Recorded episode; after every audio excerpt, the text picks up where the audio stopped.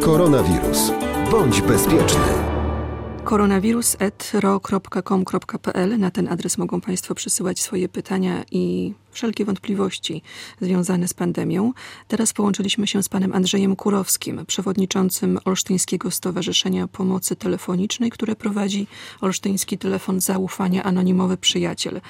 W różnych miastach słyszymy, że fundacje i stowarzyszenia uruchamiają telefony zaufania właśnie dla osób, które odczuwają lęk lub niepokój z powodu zagrożenia epidemią. Czy oprócz y, telefonu zaufania Anonimowy Przyjaciel działa jeszcze jakiś inny numer telefonu? Jaka jest Pana wiedza na ten temat? Przykrością muszę powiedzieć, że nie mam informacji na taki temat, natomiast my staramy się y, zabezpieczyć y, przeszkolonymi, dyżurnymi całą dobę.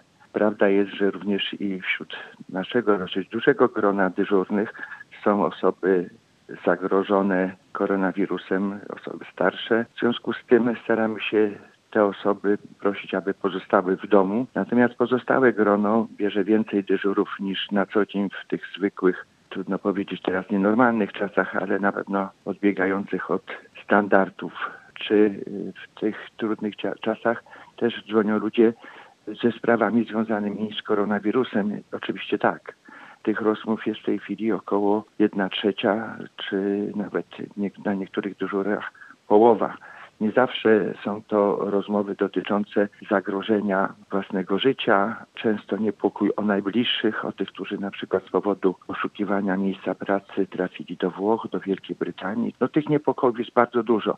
Dużo jest telefonów związanych z zagrożeniem bezrobociem, kończą się ludziom okresowe umowy, nikt z nimi w tej chwili nowych umów nie będzie chciał podpisywać.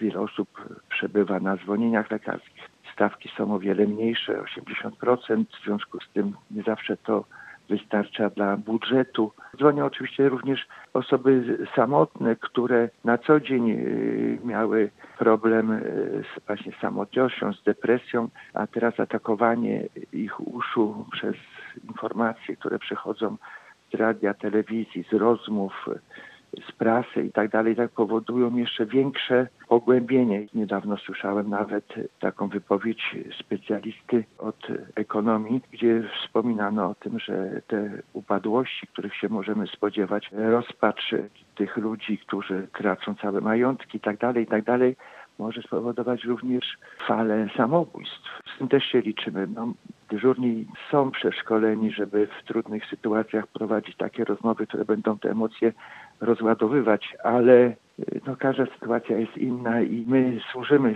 swoim wsparciem, swoją pomocą.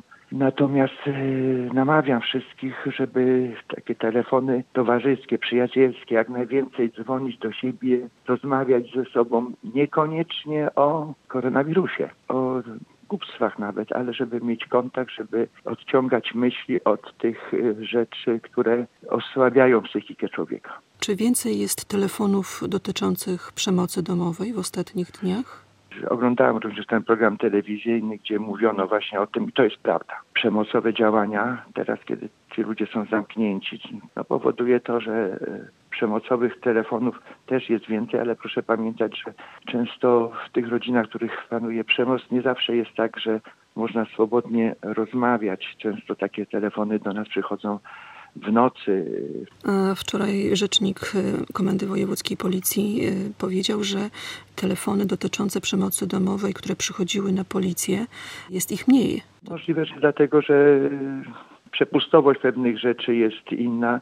Natomiast ja myślę, że w tych obecnych czasach ludzie bardziej poszukują wsparcia psychicznego, takiego słowem życzliwym i tak dalej, niż policji, bo ludzie sobie zdają sprawę, że, że są ważniejsze sprawy może od ich własnych. Mówię o bezpieczeństwie.